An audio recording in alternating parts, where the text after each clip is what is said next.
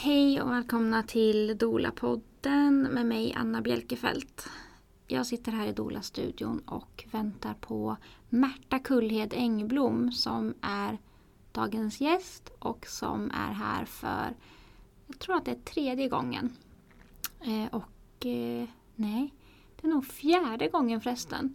Vi har spelat in eh, ett dubbelavsnitt Eh, i början av poddens historia som heter Vi och vården del 1 och 2. Sen har vi spelat in eh, Fysiologisk födsel som tyvärr blev väldigt dåligt ljud så det skulle vi behöva spela om någon dag. Och sen har vi spelat in Föda barn med stöd om Märtas eh, bok. Och ja, att föda barn med stöd och hur, hur viktigt det är med kontinuerligt stöd när man är gravid och föder. Och idag ska vi spela in ett avsnitt om eh, Är det farligt att föda? Så följ med och lyssna på barnmorskan och barnmorskedolan Märta.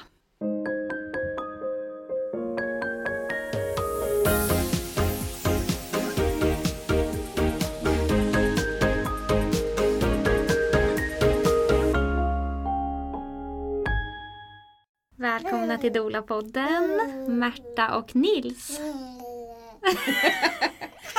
Tack så vill, jättemycket. du vill ju också hälsa Ja, såklart. han ville vara med här. Får se hur det går då. Ja, Med lille Nils. vi har en eh, poddbebis här. Det har hänt några gånger innan men inte, inte så många. Väldigt glad. Vi får se hur länge han nöjer sig här i selen. Kul att du är tillbaka Märta. Ja, jätteroligt att komma hit igen. Jättekul. Eh, vi ska ju prata utifrån temat farligt att föda? frågetecken. Eh, och det här var någonting som eh, slog mig under förra året, eller om det var, ja men i alla fall under pandemin. Att det kändes som att eh, många kvinnor, det var en del liksom, kända kvinnor och så i sociala medier som började lägga ut att så här, men det är bland det farligaste en kvinna gör att föda barn. Varför kan vi inte få liksom, plats där vi ska föda? Eller varför kan vi inte få komma in? Och varför får vi inte med våran partner? Och att det var många sådana frågor som väcktes. Eh, bra, tänker jag, att man eh, att de som också har många följare och syns liksom uppmärksammar att det här är en kvinnofråga vi måste prata om. Men, men det blir liksom lite mm, det blir mycket okunskap och mycket tyckanden. Mm. Så det var någonting som väcktes i mig. Bara, men hur farligt är det egentligen att föda? Var, varför pratar vi om det på det sättet? Och liksom, eh, så då började jag spåna lite på de här frågorna som jag skickade dig. Ehm, vad tänker du att man menar med det här att så här, det är det farligaste man kan göra i sitt liv? Mm. För det första vill jag bara säga att det, finns, det är en så stor förvirring runt barnafödande. Diskussionen om barnafödande är förvirrad. För många saknar grundläggande kunskaper om hur det är att föda barn. Och saker ställdes på sin spets under pandemin skulle jag säga. För då blev det tydligt att eh, vi har, att den eh, fysiologiska födseln, den vaginala födseln har, har ju hamnat på fel plats. Mm. Den friska fysiologiska födseln på Mm. akutsjukhus. Mm. Och det är inte optimalt. Och det blev väldigt tydligt Mm. under pandemin. Att det inte är optimalt. För att då var man ju tvungen att ta hänsyn till det allra, allra sjukaste. Mm. Och då var man ju tvungen att liksom skruva åt kranarna ännu mer. Ja. Det här att partnern inte fick komma med förrän man kanske hade konstaterat att kvinnan var i aktiv fas. Mm. Alla sådana här åtgärder. Att man drog åt liksom de sakerna ännu mer. Och dolor var inte välkomna på alla ställen. Nej. Då, då liksom blev det ännu mindre optimerat för att föda Mm. eh, tryggt vaginalt. Mm. Och jag, vi måste komma dit känner jag i diskussionen att det handlar om att erbjuda kvinnor trygga vaginala födslar. Ja. Det gör vi inte idag. Vi gör det liksom fläckvis. Det finns öar där saker fungerar som det borde. Där vi verkligen liksom optimerar förutsättningarna för fysiologin i födandet. Mm.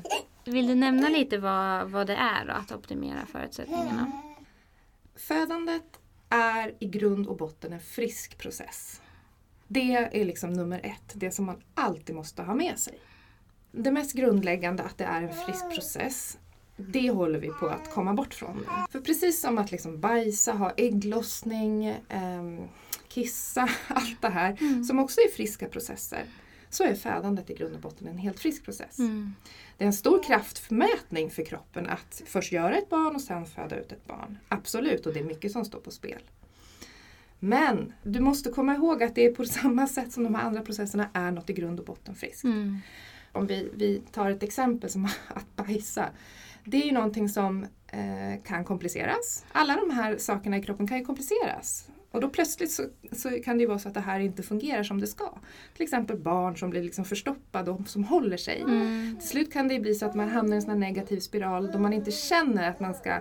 Tarmen signalerar inte den här nervreflexen att nu är det dags att gå på toaletten. Den slutar fungera för att man har gått och hållit sig så länge. Mm. Och det kan vara att man går i skolan, eh, man vill inte gå på toaletten i skolan, det är för stökigt. Och så. Och så till slut så slutar det här fungera. Men då drar ju inte vi slutsatsen att, det, att bajsa är farligt. Nej, precis. Mm. Utan då förstår vi att förutsättningarna här har blivit fel. Det har hamnat, det här, funktionen har hamnat i en negativ spiral och så har det lett till det här att man har blivit avföringsinkontinent. Alltså att man inte känner när man behöver gå på toaletten. Mm. Då måste man liksom gå tillbaka och se helheten. Vad har hänt? Precis, vad beror det på? Vad beror det på? Mm. Och lite så, det här var ett exempel bara för att illustrera att vi har hamnat lite där med barnafödandet. Att vi har börjat se, se det som, med glasögon som om det är patologi Mm. i grunden. Att vi har börjat se på det som att eh, själva födandet är i grunden farligt. Mm. Och så, det stämmer inte. Nej. För att det som händer då när man slår in på den vägen det är att man faktiskt då börjar göra födandet farligt. På riktigt. Mm. Genom att blanda sig i och så, tänker du? på? Precis, Mm. genom att störa de här förutsättningarna. Som, för att födandet kräver rätt förutsättningar. Och eftersom det är en så otroligt stor kraftmätning att föda ut ett barn för kroppen. Det är som liksom kroppens Mount Everest. Ehm, liksom bajsa, kissa, smälta maten, alla sådana här funktioner, det gör vi varje dag. Men att föda, då är det liksom allt ska stämma. Mm. Och då behövs optimala förutsättningar för att kroppen ska kunna göra det här i lugn och ro, ostört. Och det här hormonspelet som reglerar födandet, det måste verkligen få jobba så, ostört. Man behöver trygghet, man behöver stöd och så.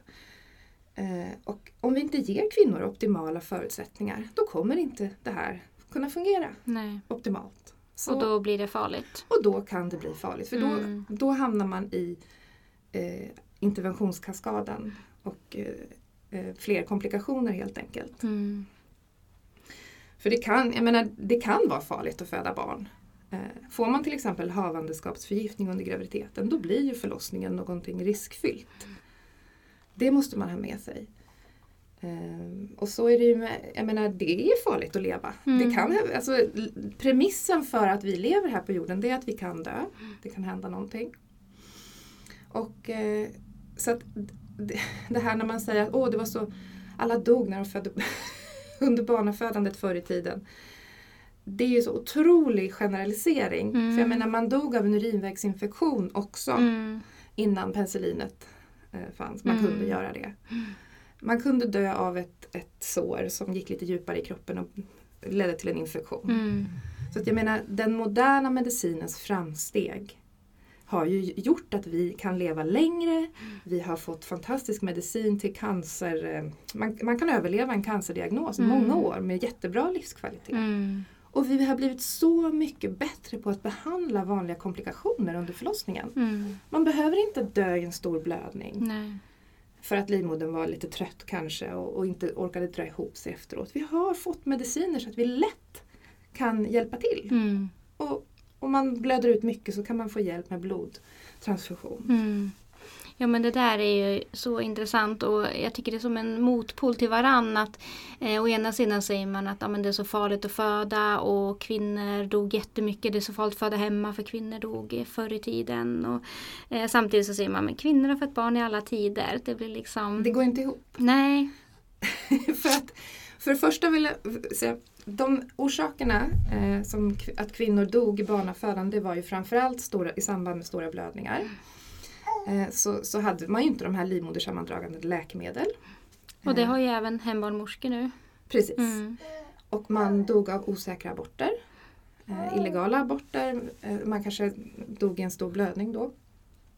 I en sån abort. Eh, man dog av infektioner. Och så komplikationer till långdragna förlossningar. Mm. Det dog man i. Mm.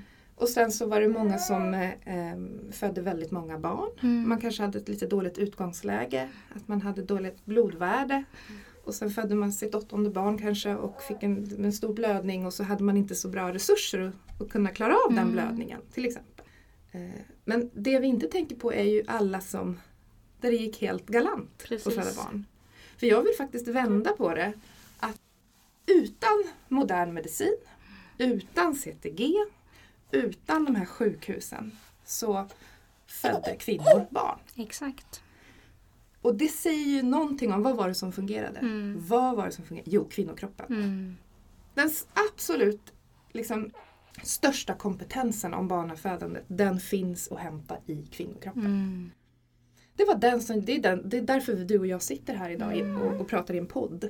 Det är därför vi håller på och scrollar på våra mobiler. För att kvinnor har kunnat föda barn. Mm. Och det är som att vi liksom bara kollektivt glömmer det och säger sån här jätte... Jag blir så förbannad rent ut sagt på de här kommentarerna om att ja, kvinnor har dött hela tiden. Mm. När de har fött barn. eh, jag menar, alla födde hemma. Utan sållning. Mm. Alltså man födde hemma och det kom, he- kom någon... Man utgick nämligen från det friska födandet. Mm. Vad som har hänt nu det är att vi alla, så gott som alla, eh, det är normen, föder på sjukhus. Precis. En bråkdel av tiden barnafödandets historia har vi fött våra barn på sjukhus Precis. och alltså utgår från det komplicerade födandet som vi gör idag. Mm. Så den väg vi har slagit in på, den är farlig skulle jag Mm. säga. Vi har skapat suboptimala förutsättningar för fysiologin i födandet. Vi utgår nu från det komplicerade födandet. Mm. Och det är fantastiskt att vi har den här akutsjukvården och den här möjligheten att hjälpa till exempel någon som kanske skulle ha varit dömd till döden om man fick en havandeskapsförgiftning Precis. under graviditeten. Om det hade varit några hundra Om år det hade sedan. varit några hundra år sedan. Mm. De kan vi nu hjälpa. Mm. Och det är helt fantastiskt, det ska vi vara jättetacksamma för. Eh, men alla de här friska gravida som inte behöver de här resurserna, de har liksom bara dragits med och de ska också föda på sjukhus. Som om det var samma sak. Mm. Det är det inte. Och de har vi gjort det farligare för, Mm. skulle jag säga. Mm. För vi har skapat suboptimala förutsättningar för dem. Att tvinga, tvinga in dem i den här mallen att föda på ett akutsjukhus. Eh, där man styckar upp förlossningen i delar. Och inte ser den som den helhet den är. Det har lett till alltså en stor överanvändning av eh, kejsarsnitt, akuta kejsarsnitt. Mm. Och det, det har lett till den här interventionskaskaden Mm. av interventioner som eh, inte gynnar kvinnor. Och det som vi liksom kollektivt har gjort är att vi har skapat suboptimala förutsättningar för kvinnor och sen skyller vi på kvinnorna för att det inte fungerar så bra. Så, så jag skulle faktiskt vilja säga att modern obstetrik reflekterar en syn på kvinnan som om det är kvinnan som är själva källan till komplikationer Mm. under förlossningen. Det är intressant. Ja. Vi måste vända den där strålkastaren och titta på oss själva. Vad gör vi? Vad är det vi gör? Vad skapar vi för förutsättningar för kvinnor? Mm. Är det det här som du tänker att folk, vad ska man säga, generellt tänker är farligt med att föda barn? Att, att, eh, att det är stora blödningar eller att man kan dö eller liksom. Vad är det som gör att folk är rädda för att föda, att det är Eh, farligt? ja, största hindret nu för att få folk att förstå det är att dels inom professionen, de allra flesta ser bara sjukhusförlossningar. Ehm, och på sjukhus så är det mycket komplikationer, mycket mer komplikationer än vad det skulle behöva vara. Mm. Så är man barnmorska eller obstetriker och har jobbat på sjukhuset i några år, då har man ju sett eh, väldigt mycket patologi och väldigt mycket komplikation. Mm. Det man kanske inte har förstått är varför de här komplikationerna uppstod. Alltså att mycket, den här, hur farligt det är med onödiga interventioner. Den här Mm. interventionskaskaden, vad den kan leda till. Mm. Så, så man får en väldigt stark bild av det komplicerade födandet på sjukhus. Eh, för att kunna förstå lite mer att de här, det, det vi gör gentemot födande kvinnor, det en stor anledning till, en, inte alla, men många komplikationer. Mm. Att förlossningar stannar av. Så. Mm. Och det vi gör och det vi inte gör. Till exempel att vi inte ger kvinnor stöd i latensfas, att vi inte finns där runt kvinnan i liksom ett längre skede, att vi inte Precis. bygger relationer med kvinnor. Och så. Mm. Så man behöver ofta byta kontext för att förstå det här. Mm. Så det är därför många som är med på sina första liksom, hemförlossningar får den här liksom, men, oj, herregud, det här har jag liksom inte sett. Mm. Ehm, när man bara får se födandet i en annan kontext och se hur bra och lätt det kan gå. Så det är också där eh, vi har hamnat mycket i diskussion att man tror att det är något speciellt med de här kvinnorna som föder hemma. Man förstår inte att de är, det är vanliga kvinnor Mm. som föder i en helt annan kontext. Mm. Det är kontexten som är det som är skillnaden, det är inte kvinnan. Nej. Du kan också föda hemma Mm. med liksom rätt förutsättningar om du skulle vilja och så vidare. Mm. Eller på sjukhus kan det gå galant att föda om du har rätt stöd. Mm. Om du befinner dig i rätt kontext. Mm. Det, den kopplingen gör man inte. För Nej. den här bilden av att kvinnan är som en tickande bomb som när som helst kan brisera, den är väldigt stark. Mm. Och sen så bekräftas ju det hela tiden då eftersom det sker ganska mycket komplikationer på sjukhus. Eh, Så, så den bilden liksom får hela tiden näring. Mm, skulle jag säga. verkligen. Det liksom förstärks och förstärks och förstärks. Och, ja. Ja, Och så att man har det här risktänket mm. med sig. Det är därför vi behöver zooma ut och titta lite mer utifrån vad vi håller på att göra. Eh, Och förstå att en övermedikalisering av födandet, det är ingen bra väg att slå Nej. in på.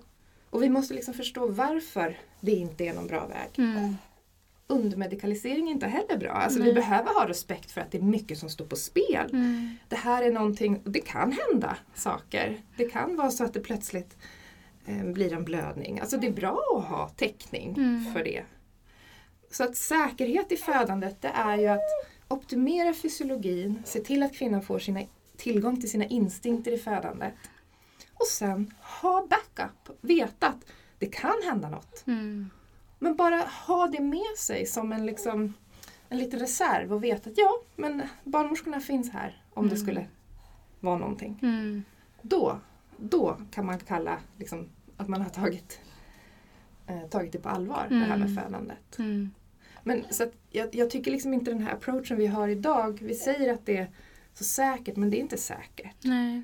Det är inte säkert att, att störa det fysiologiska, inte ge rätt förutsättningar, inte se till att kvinnor ehm, får relationer med de som ska vara med på förlossningen, eh, relationsbaserad vård. Sen är det som platsbrist, så att de får ofta inte komma in, man vet inte vilket sjukhus man ska till när förlossningen kommer igång. Mm. Eh, det är verkligen att eh, sätta upp en ribba som är hög för kvinnor. Mm. Det är svårt att föda under de omsätt- eh, förutsättningarna. Mm. Det här är ju så intressant. Och sen så blir det komplikationer och då så måste man hantera dem akut. Mm. Så. Mm. Ja men precis, att det är säkert att föda barn. Att man ändå, det är som att ytterligare en grej som blir lite dubbelt eller lite motsägelsefullt. Att så här, det är säkert, vi har så låg eh, mödra och barnadödlighet i Sverige men det är ändå så fortfarande det farligaste vi gör. Att det känns som att det är ytterligare två saker som faktiskt inte riktigt går ihop. Mm. Att det, man tänker att det är säkert för att vi har jättemycket vård men eh, att vården också eh, och risktänket kan skapa komplikationer och farliga situationer. Exakt, när man utgår från att eh, födandet då i någon mening är patologi, att man hela tiden behöver leta efter patologi i födandet. Ehm, och sen då skapa suboptimala förutsättningar. Jag tänkte vi skulle prata lite om, vi var inne på det här med varför många dog förr i Mm. tiden Mm. eh, och också när födandet började flytta, när det flyttade in på sjukhus. Vad, liksom, vad kom det för för och nackdelar med att man flyttade in på sjukhus? Mm. Eller flyttade födandet till sjukhus? Alltså framförallt så ehm, det var ju kvinnorna som fick börja flytta på sig och komma in och föda på sjukhusen. Det blev ju enklare logistiskt kanske eh, att samla vården så. Mm. Och eh, jag menar operationer som kejsarsnitt och allt det här det kräver ju liksom en viss organisation att ha all den här akutsjukvården. Mm. Att liksom ha det här systemet av eh, att lära upp och liksom bli en bra kirurg. Och, och, så det, det finns ju väldigt många fördelar med att ha födandet på sjukhus. Mm. Men inte för alla kvinnor. Nej. Det är väl det. Eh, Det finns ju en, en stor kunskap som samlas där. eh, Och det är bra och det är viktigt att den finns. Eh, Och jag menar, det är också så med, med de här hemfödslarna. som vi har idag, de bygger ju på att det ska gå att överföra till ett sjukhus vid behov. Mm. Så jag menar den här liksom, moderna medicinen och, och det, den kunskap som finns samlad på våra sjukhus, den är ju liksom en förutsättning. Det är jätteviktigt att den finns. Det vill, det vill jag verkligen poängtera. Men, och det var ju det man fick där. Jag menar, under 50-talet så byggdes intensivvården ut. Man kunde rädda många fler kvinnor och barn till livet. så eh, Där det liksom hängde på en skör tråd. Mm. Det är så otroligt mycket som har liksom utvecklats. Mm. Men, men den stora baksidan, för un, under liksom förra århundradet då så blev vi väldigt bra på att liksom, ja, fixa saker i kroppen. Men nu måste man också bli bra på att se helheten. Så hur, hur hänger saker ihop? Och det är vi inte lika bra på idag för vi har liksom tappat markkontakt lite. Mm. Hur menar du då? Ehm, Ja men eh, vi har börjat snuttifiera, vi ser kvinnan när hon kommer in, ofta när hon kommer in på förlossningen liksom, därifrån. Vi ser liksom inte var, var det började någonstans. Man måste vara med eh, mycket längre i processen Mm. för att få en förståelse. Mm. Just det här att kunskapen om fysiologin i födandet håller på att försvinna. Mm. Det ser jag som ett stort jätteproblem, låter liksom lite för lite att säga att det är ett problem. Mm. Det, det, jag ser att det är farligt Mm. rent av. När det blir så svårt att lära sig om fysiologin i födandet eh, då blir det automatiskt så att vi tappar markkontakt och går in på en väg där eh, medikalisering av födandet blir helt nödvändig. Mm. Och den som drar nitlotten där, den som inte går vinnande ur det, det är kvinnan. Mm. Och vi ser den här trenden med en ökad medikalisering, det är liksom inget som jag bara står och säger. Alltså det, det är reellt, det är så det ser ut. Vi har ju nu, det, har ju, det är ju snart norm det här att man förväntas eh, induktion i liksom vecka 41, Mm. mycket tidigare än man har liksom tidigare lagt det. Kvinnor som går över 41 veckor blir rädda och oroliga Mm. eh, när det börjar de där dagarna efter man tror att det är livsfarligt Mm. att fortsätta vara gravid då, de dagarna. Vi ser ju mycket fler induktioner. Det är så återigen att liksom kvinnan är som en bomb som kan som tickar. Alltså, och när hon Precis. känner oro och stress då kommer hon ju troligtvis inte starta igång. Nej, precis. Det här liksom spannet för det här eh, främjandet av den här eh, friska processen har liksom krympt och Mm. blivit ännu mindre. Vi gör en intervention här och nu och så ser vi inte hur påverkar det vi gör här och nu, hur påverkar det om tre år när hon föder sitt andra barn? Mm, precis. Eller hur påverkar det den här interventionen vi gör nu, hur påverkar det om fyra år när hon föder sitt tredje barn? Det är lite som Hanna Dahlen som är en professor och forskare i Australien som höll ett webbinarium om det här på Own Your Birth. Mm. Hon pratade om det här att vi, vi tittar bara på den här stenen som vi kastar här och nu. Mm. Vi ser liksom inte ringarna på vattnet som blir. Ehm, och vi ser inte vad som händer på andra sidan liksom stranden när de här ringarna på vattnet har kommit till andra sidan. Nej. Och hon menade på att, eh, att andelen kvinnor som kommer att ha traumatiska förlossningsupplevelser, det kommer bli fler och fler. Mm. Och det har vi hela tiden inte alls tagit i det beaktande som Nej. vi behöver göra. Det här, vad, vad en traumatisk förlossningsupplevelse, alltså vad det egentligen är. Mm. Det är så mycket ohälsa kopplat till det. Mm. Och det är därför det här att, att liksom, när vi erbjuder suboptimala förutsättningar, otrygga födslar, så är det större risk att det leder till en traumatisk upplevelse. Mm. Och då vill man sen Ja, då vill man inte alls föda Nej. vaginalt nästa gång. Och Nej. det är inte så svårt att förstå det då. Nej. Och Och då vi- kan det också bli farligt. Ja, och då kan det bli farligt. För att när man då till slut når eh, när kejsarsnitten börjar ticka på. Jag menar, I vissa länder är det ju nu upp mot 36 procents Mm. kejsarsnitt. Galet. Så, och då kommer det bli så att till slut kvinnor kommer dö i onödan. Det vill Mm. man liksom inte säga men att det kommer bli så. Eh, för då kommer det bli farligt till slut. Mm. För eftersom en intervention leder till en annan som leder till en tredje. Precis. Är det det som du skulle säga, ledande fråga, men är liksom det största hotet för födande idag? Du berättar lite. Ja, det största hotet är, alltså om vi ville så Mm. skulle vi ju hur lätt som helst att ordna det så att det skulle bli, eh, kunna bli med, med fysiologin som utgångspunkt. Mm. Eh, men det största hindret är ju kunskapen, att vi håller på att tappa kunskapen.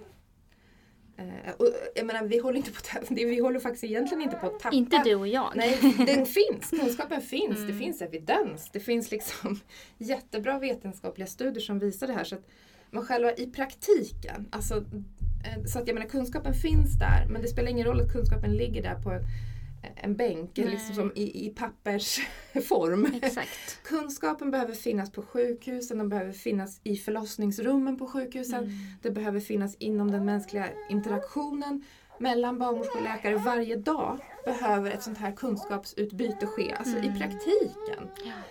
Ehm, och där, det är så svårt, jag menar det ser man ju på statistiken, jag menar epidural, oxytocindropp, alla de här interventionerna de bara tickar på, stiger Mm. och stiger och nu stiger också kejsarsnitten. Mm.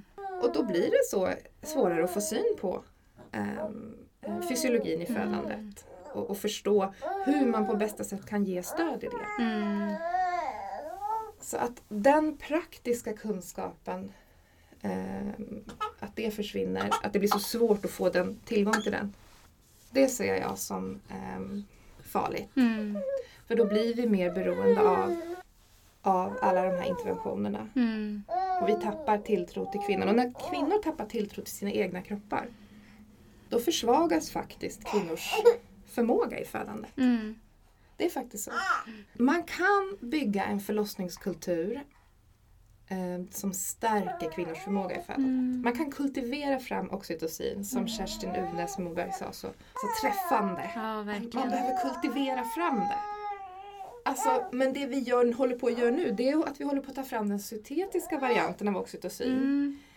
och ger kvinnor. Men Mm. varför, varför använder vi inte kvinnans resurser? Det finns oxytocin i kvinnor. Varför kultiverar vi inte fram det? Det är ju mycket mer empowering för Mm. kvinnan. Förstå hur mycket förspilld kvinnokraft. Och, och liksom, tänk om man börjar förstå hur mycket som är vunnet när man kultiverar fram oxytocin i kvinnan då. Eh, kvinnan får en, en eh, empowering, häftig förlossningsupplevelse. Går ifrån jättestarkt. Det påverkar alltså hela den här kvinnans li- kommande liv Mm. går ut och liksom ehm, har med sig det här, den här kraftfullheten.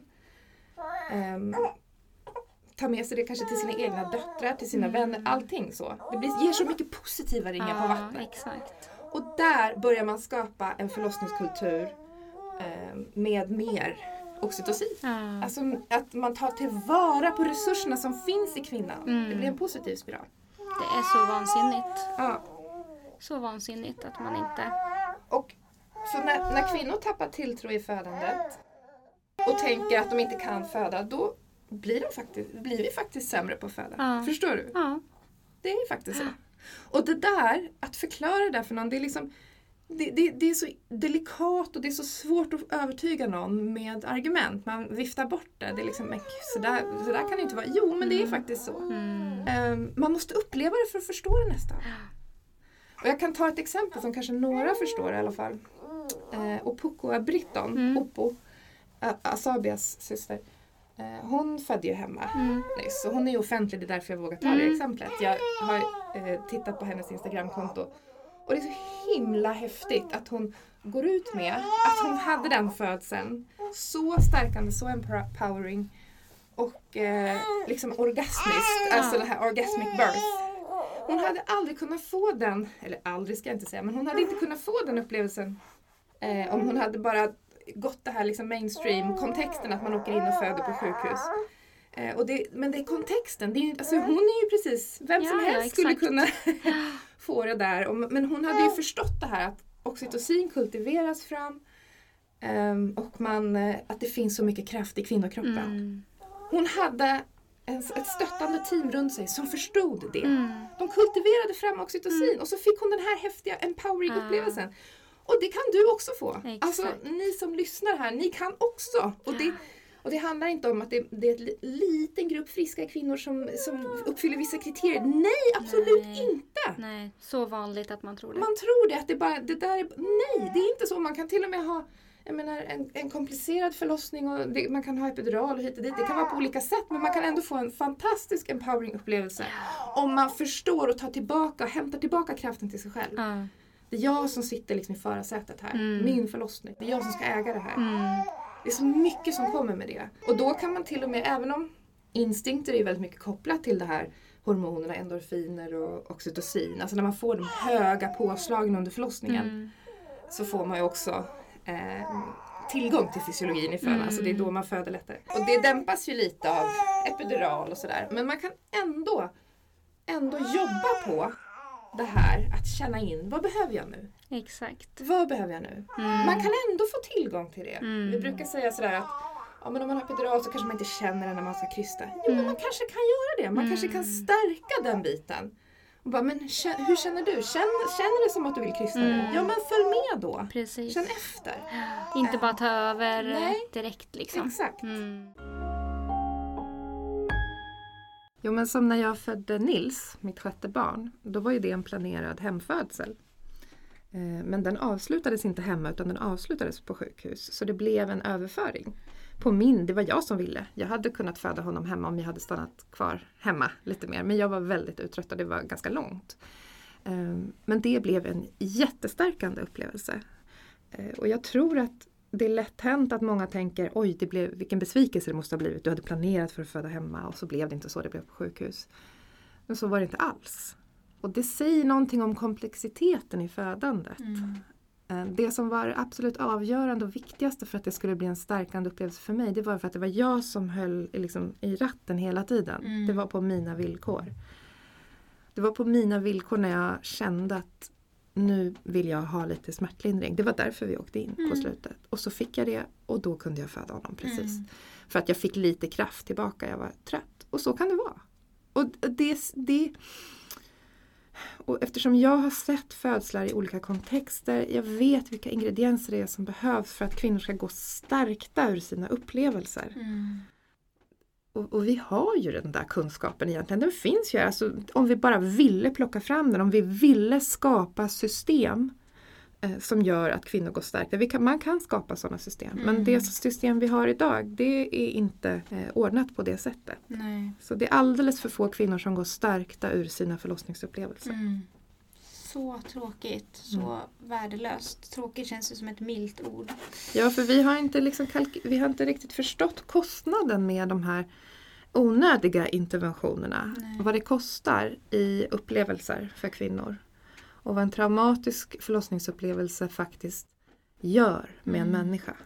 För ofta pratar man inte så mycket om upplevelsen, i alla fall inte inom vården. Utan där är det väldigt mycket att det bara ska vara medicinskt säkert. Precis. Att det andra hamnar liksom i periferin lite. Ja men det är väl ett plus i kanten om hon fick en bra upplevelse. Eh, Man ska se det som en allvarlig komplikation om någon får en traumatisk upplevelse av sin födsel. Mm. Och jag vet att du och jag, eftersom vi har jobbat eh, som doula och som barnmorska, du jobbar ju som doula. Vi har ju träffat många kvinnor som har traumatiska födslar med sig i bagaget. Mm. Och då får man ju verkligen en känsla för vilket, hur djupt det påverkar dem. Mm. In i liksom märgen av sitt varande, sitt väsen, som, sitt varande som människa. Så påverkar det självbilden. Att eh, inte gå stärkt ur en födsel. Känslan av att jag misslyckades. Det är jättesorgligt. Mm.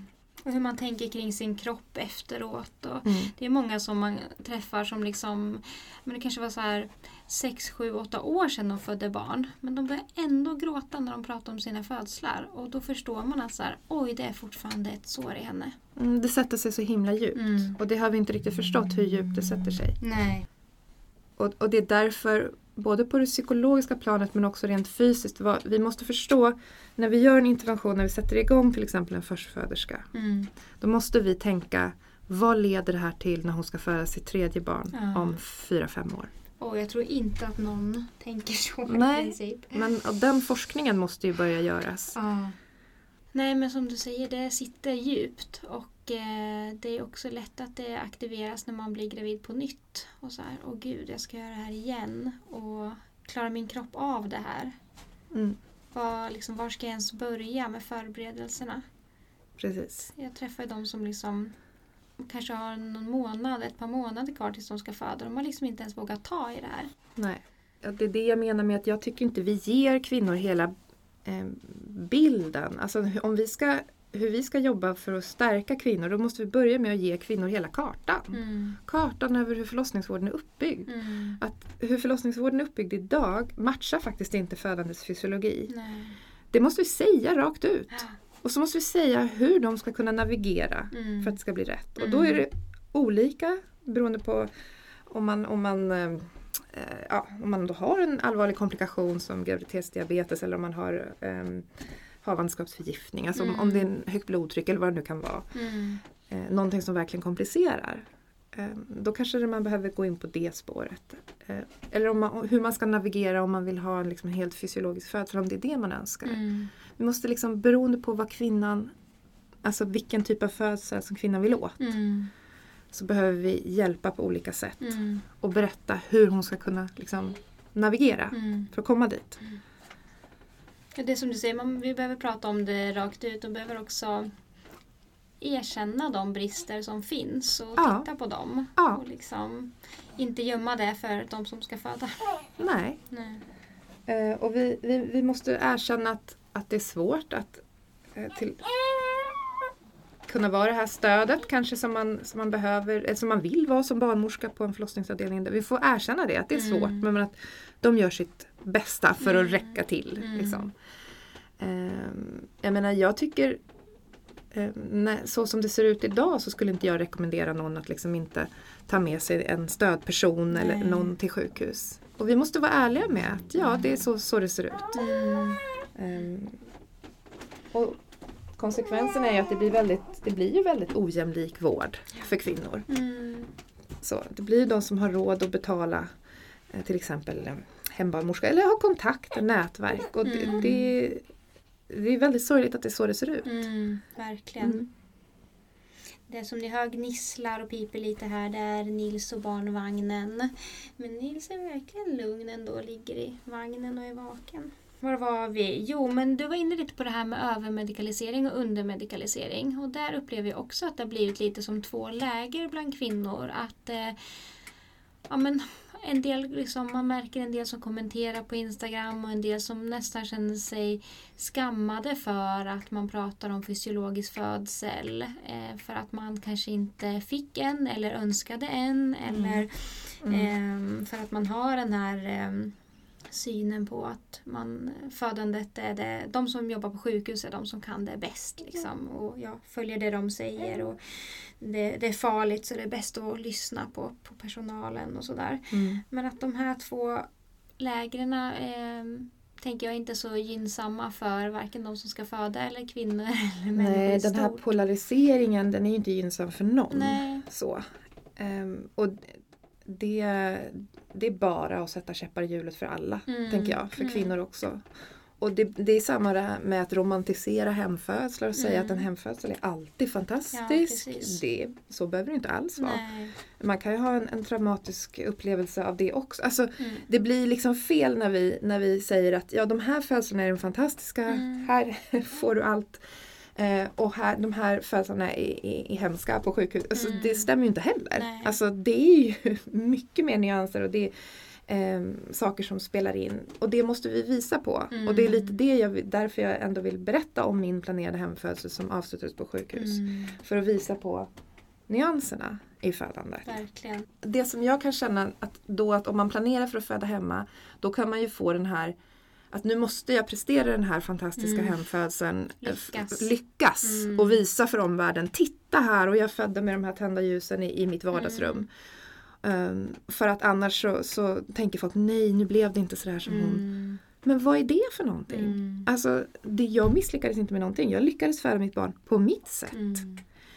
Ehm, jag menar den här förlossningskultur, vi har en kultur av att döma kvinnor och då blir man liksom dömd både för det planerade kejsarsnittet och Exakt. epiduralen eller den planerade hemfödseln som Mm. inte blev en hemfödsel. Alltså sådär. Eh, Hur man än gör. hur man än gör ja, blir det ju lite så.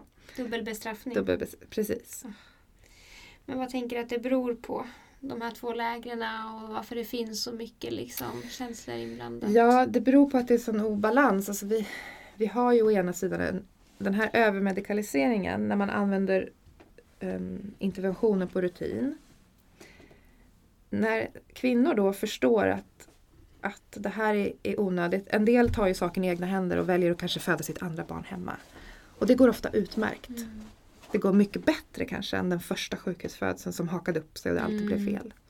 Och då så kanske man föder sitt andra barn hemma och, och man bara märker att wow, då kan man nästan känna sig lite lurad. Mm. Oj, det här gick ju mycket bättre. All den kunskap som behövdes hade jag i min kropp. Mm.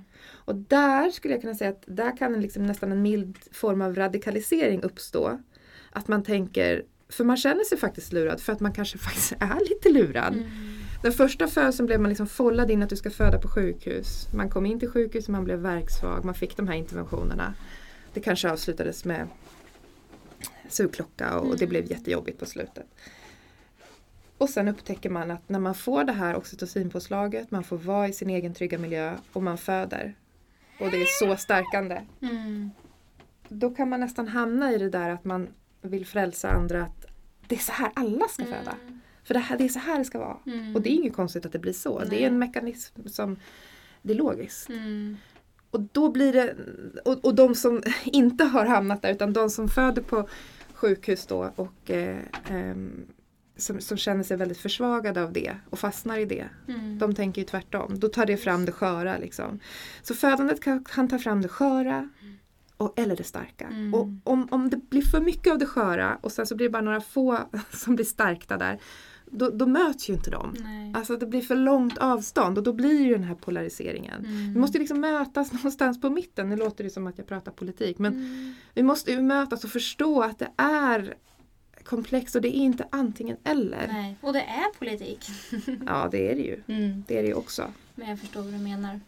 Eh, nej, men det känns som att det är väldigt vanligt. Något man hör mycket är ju så här, om jag inte hade varit på sjukhus då hade jag dött. Eller mitt barn hade dött. Eller att där eh, finns mycket rädsla och mycket okunskap och som också sprids väldigt, alltså verkligen som en droppe blod i vattenglas. Liksom. Det bara och så Ja, ja. alla hört det och tror att det är sant. Precis. Det här, för det finns, den här paradoxen i födandet det är ju liksom att för att kunna komma åt sin fulla kraft behöver man göra sig sårbar. Mm.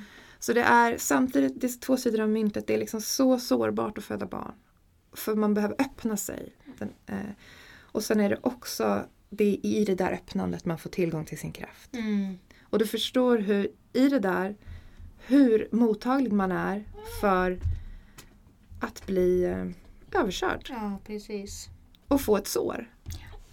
Man är, det finns nästan ingenstans man är så mottaglig för manipulation som i det där öppna. Mm. Och, så, så, och ingenstans man är så mottaglig för att bli mer trauma. Så. Mm. Eller bli stärkt. Mm.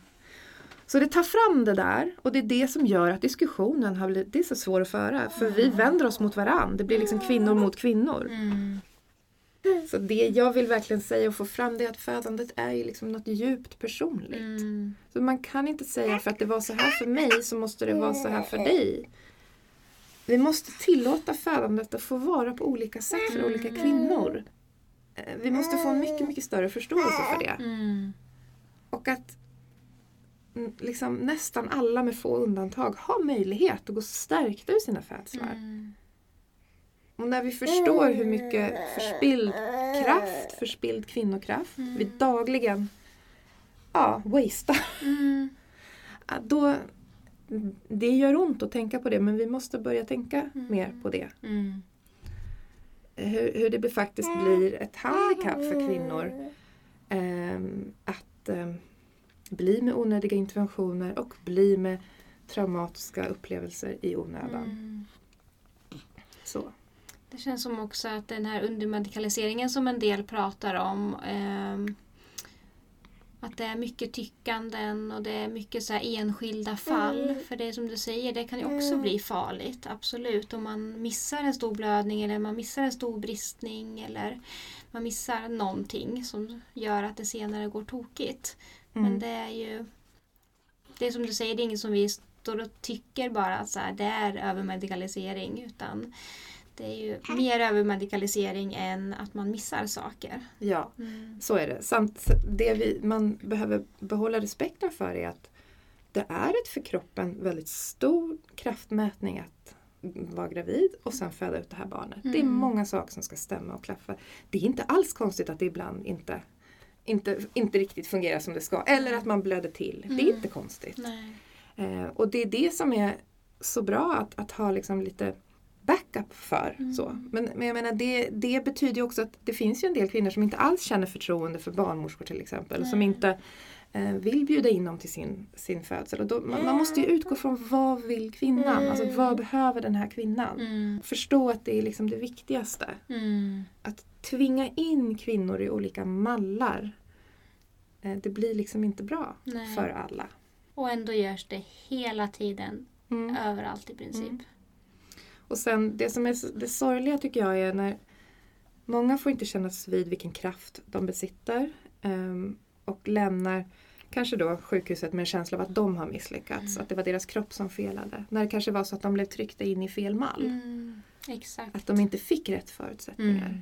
Jag tycker att det är återkommande när jag träffar eh, omföderskor att de berättar om sin förlossningsupplevelse och sen är det så lätt att liksom bara peka på vilka saker som gjorde. Alltså Mm. att det blev så.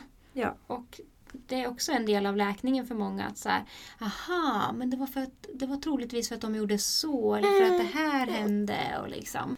Ehm, att känna att det var inte mig det var fel på och det hade kanske inte behövt bli så här. Och, och en del saker vet man inte heller exakt varför Nej. det blir. Nej. Det är komplext liksom. Det är ändå kroppen och den har sitt eget liksom, Ja. Ja. system och arbetar på sitt sätt. Men jag upplever också att fortfarande att tilliten till vården i Sverige idag är så enormt stark. Alltså, som jag nämnde, att det, man tänker att de vet. Liksom, de jobbar med det här så Mm. de vet bäst. Hur kan vi liksom arbeta med kvinnor för att stärka dem och tro mer på sig själva istället? Ja, nej men jag, jag ser att glappet är ju att jag menar jag litar också på våran sjukvård. Alltså den kompetens som finns. Ehm, jag vet ju att det finns ehm, om saker kompliceras så är jag helt jättetrygg med fantastisk kompetens som Mm. finns på sjukhus. Så jag menar jag litar på den eh, eh, sjukvården alltså, till st- absolut största delen. Mm. Glappet är ju att det handlar om friskvård Mm. för födande. Och den behöver bli evidensbaserad. Den är Mm. inte det idag. Vi har liksom bara ehm, tagit, de har fått, ja, man, vi har liksom badet, barnet med badkarsvattnet eller vad man säger. Att de har fått hänga med på svängen in på sjukhus. Alla som, Mm. som föder och är friska. Nej men det är väl som du säger, det är egentligen inte svart eller vitt. Att antingen tror man på vården eller på sig själv. Utan man kan ju verkligen göra Man båda. kan tro på båda, Mm. verkligen. Mm. Vi måste komma dit i Mm. den här liksom diskussionen om födande. Det skadar ju kvinnor att när vi hamnar för långt ifrån varandra. Mm.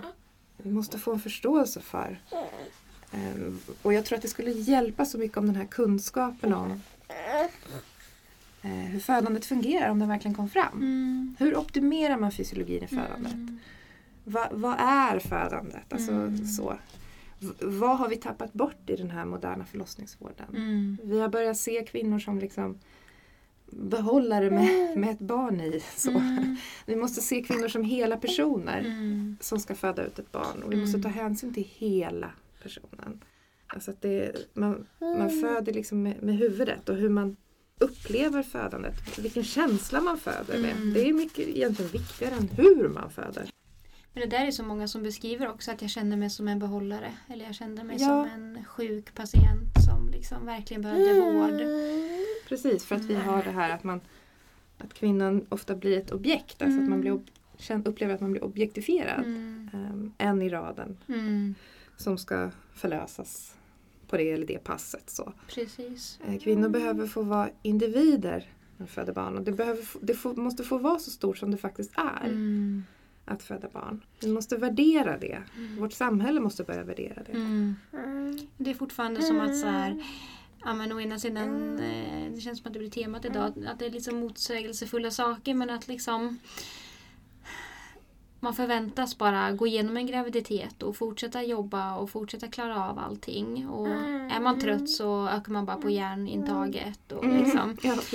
Eh, och sen, ja, men kvinnor har alltid fött barn och liksom. Eh, och sen ska man bara förväntas klara av det fast som du säger att det inte är direkt optimala förutsättningar att faktiskt jobba med kroppen. Och, Absolut inte. Vi måste, vi måste förstå vilken enorm känslomässig och fysisk process det är att vara gravid och föda barn.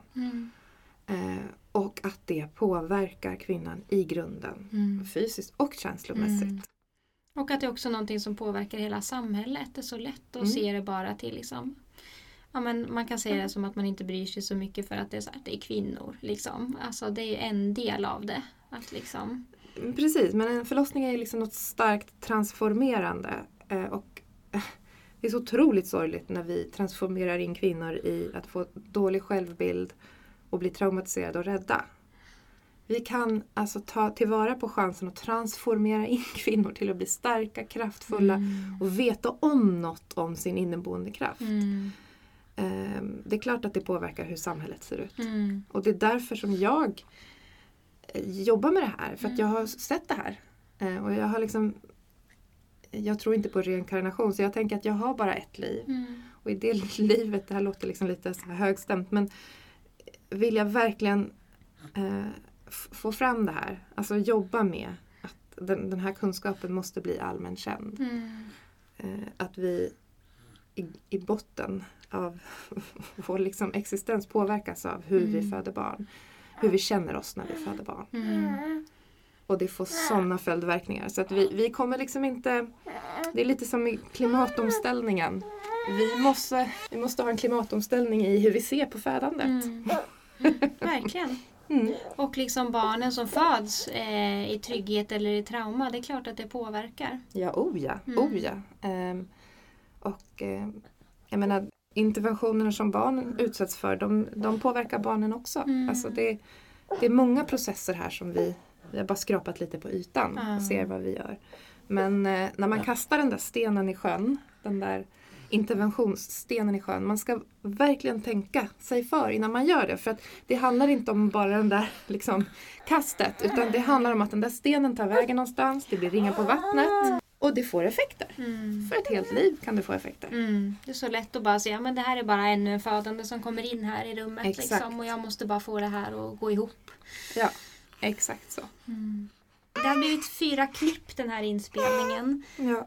Och han har det bra. Det låter som att han inte har det bra men han är bara sådär. Han, han, han vill vara igång och han vill ta saker. Det är därför han liksom gnäller. Ja. Han vill helst ta vattenglaset här. Och saker han inte får ta vill han ha.